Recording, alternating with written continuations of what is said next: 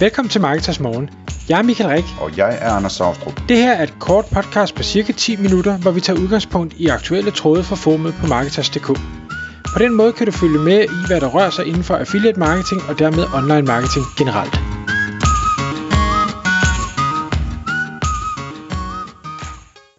Godmorgen Michael. Godmorgen Anders. Nå, i dag der skal vi snakke om at, om at uploade tekster.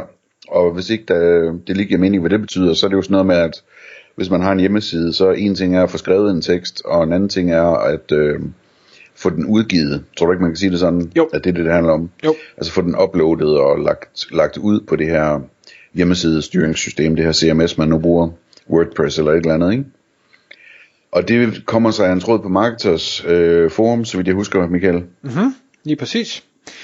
Øh, det er jo, man kan sige, der, der, når man er content affiliate, det her det, det var myndet på affiliates, men det kunne i princippet også jo være, hvis man er webshop ejer eller, eller et eller andet andet, så er der øh, i dag rigtig mange øh, tjenester derude, hvor, og, og, hvad hedder det, og metoder til at få skrevet øh, gode tekster, der, der følger et eller andet format, man kan bruge i øh, for eksempel affiliate regi.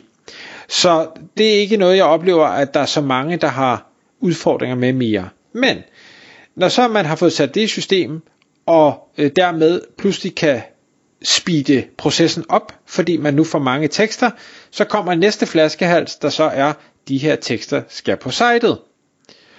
Og der er rigtig mange øh, affiliates i dag, der bruger for eksempel sådan, øh, sådan noget som Elementor, eller tilsvarende drag and drop editors, og de har masser af fordele øh, visuelt, men ud fra et upload af tekst perspektiv er de ikke altid øh, lige nemme at arbejde med. Der har ikke sagt, at det er svært, men det tager noget tid. Øh. Og derfor så, så det her medlem øh, siger, jamen jeg har de her sites med elementer, jeg har fået skrevet rigtig, rigtig mange tekster, men, men hvordan søren gør I andre i forhold til at få det lagt op?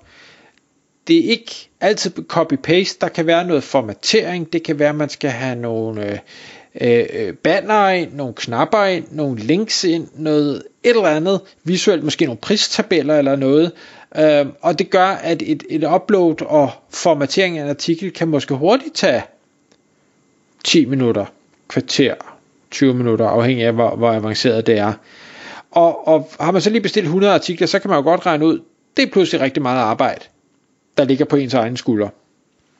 Så, så vedkommende spørger så også, jamen hvad gør I andre? For der er masser, der får produceret så mange tekster, hvordan løser I det? Fordi han, var, han synes i bund og grund heller ikke, det var mega spændende at sidde og uploade tekster. Og det kan jeg godt forstå. Og det positive, øh, og, og måske øh, lidt, lidt overraskende også for mig, det var, at der var rigtig mange, der svarede tilbage, og det er fordi, det er noget, jeg brænder for, det var, vi har hyret en udlandsk VA, altså Virtual Assistant. Øh, enten på Filippinerne, Vietnam, Pakistan, Indien, wherever. Øh, og det er vedkommende, der gør det her for mig. Og det startede så en, en, en spændende øh, dialog omkring, jamen, de kan jo ikke dansk, så hvordan søren får man det her til at virke, og er det danske tekster, I får uploadet, eller er det engelske tekster, I får uploadet, eller, hvad, eller hvordan hænger det her sammen? Så det var der en masse øh, en masse snak om. Men det korte og det lange var, at ja, det var både, det var naturligvis engelske tekster, men det var også danske tekster. Og dem, der brugte en VA til danske tekster, havde ikke nogen udfordringer med, at, øh, at det ikke skulle blive godt nok, og der var ting, de ikke kunne forstå. Og måden, de havde, havde hvad skal vi sige, sikret sig det, det var ved at udarbejde så gode beskrivende guide som overhovedet muligt i forhold til, hvad er det, jeg gerne vil have ham eller hende i den anden ende til at gøre. Og det kan være guides i tekstformat, det kan være guides i videoformat, afhængig af, hvad der lige giver mest mening. Det, skal man vise noget, så er det nogle gange nemmere i videoformat, end det er i, i tekstformat. Omvendt skal der huskes mange ting, så er det nogle gange nemmere i tekstformat, for der kan man hurtigt sige, når der er de her syv punkter, jeg skal huske, og i video, der skal man sådan spole frem og tilbage, det, det er lidt mere omsonst. Men, en ting er de gode guides, og en ting er formatet af guidesene. Der var også en, en relativ øh, ensartet opfattelse af, at guides skal helst være korte. Hvis, hvis der er 15 ting, du gerne vil have en eller anden person i den anden ende til at udføre i forbindelse med upload af en, en artikel øh, og formatering af en artikel, så, så lav 15 små guides, så de kan tage det en af gang og gøre den ting. I stedet for at lave en kæmpe guide med en masse ting, og, og med far for, at man så øh, misser noget, eller øh, der, der går andre ting galt i, i det. Øhm, og, og så kan man sige, åh, det er også, du ved, jeg, jeg skal sidde og lave guides, jeg gider ikke lave guides, og, og ting siger, mm, og, og det kan jeg godt forstå, det er heller ikke nødvendigvis super spændende, omvendt, det er heller ikke super spændende selv, selv sidde og skulle uploade det her, så øh, hvis man kan bide det sure æble og få produceret de her guides, så vil de kunne genbruges igen og igen og igen, og, og skulle den her virtuelle assistent, man har hyret, vælge at stoppe, jamen så kan man bruge øh, de guides til en ny en, man, man hyrer ind, og få dem relativt hurtigt i luften igen. Så det var, hvad skal vi sige, metoden, løsningen folk brugte. Det næste spørgsmål var så, jamen, jeg har ikke, øh, det giver ikke mening for mig at hyre en på fuld tid. Det, øh, jeg har simpelthen ikke artikler nok til, at der skal bruges 160 timer om måneden på at uploade de her artikler. Øh, og, og hvis jeg hyrer en på 160 tid, så enten så vil de øh, 160 timer, så vil de sidde og trille tommelfinger, og, og det, det ønsker jeg jo ikke, for selvfølgelig at jeg spilder mine penge, eller også så synes jeg bare, at det, det er for dyrt at betale en, en månedsløn for det. Og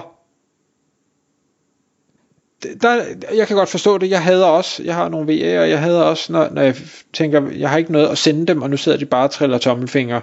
Øh, men omvendt, det har jeg også valgt at acceptere, fordi jeg vil hellere have lidt ekstra ressourcer til rådighed, end at jeg vil have en, der kun lige kan nå det, og med fare for, at de så, fordi de ikke har fuldtidsstilling, leder efter alt muligt andet, og måske pludselig forsvinder til, til nogle andre, fordi de finder nogle bedre forhold.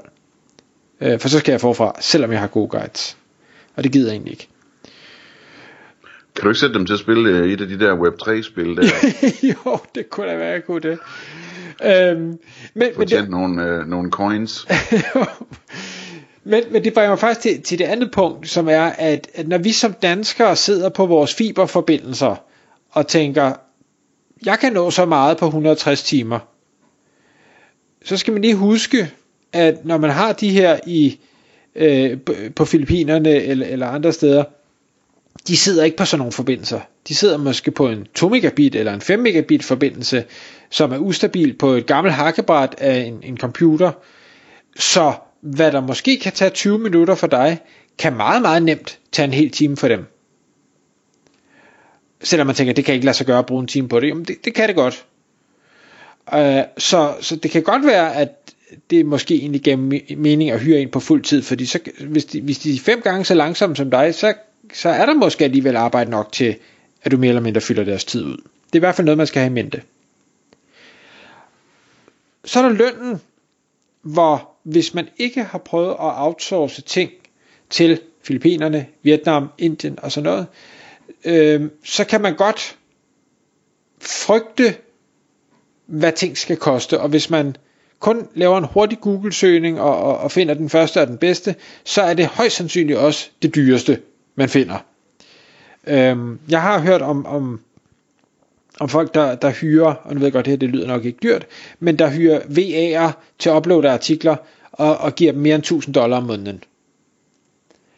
Og så vil sige, 1000 dollar om måneden, det er jo ikke meget for et fuldtidsarbejde.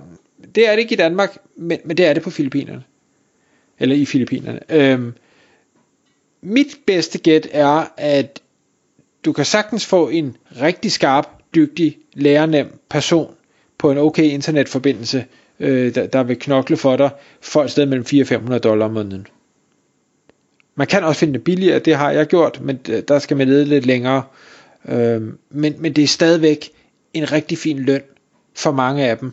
Ikke dem, der bor i en penthouse lejlighed øh, i hovedstaden, selvfølgelig ikke, men, men der er rigtig mange mennesker, der bor i udkantsområder, stadig har internetforbindelser, stadig gerne vil arbejde online, online og have den frihed, det nu giver til at passe familie og, og hvad der nu ellers skal passes.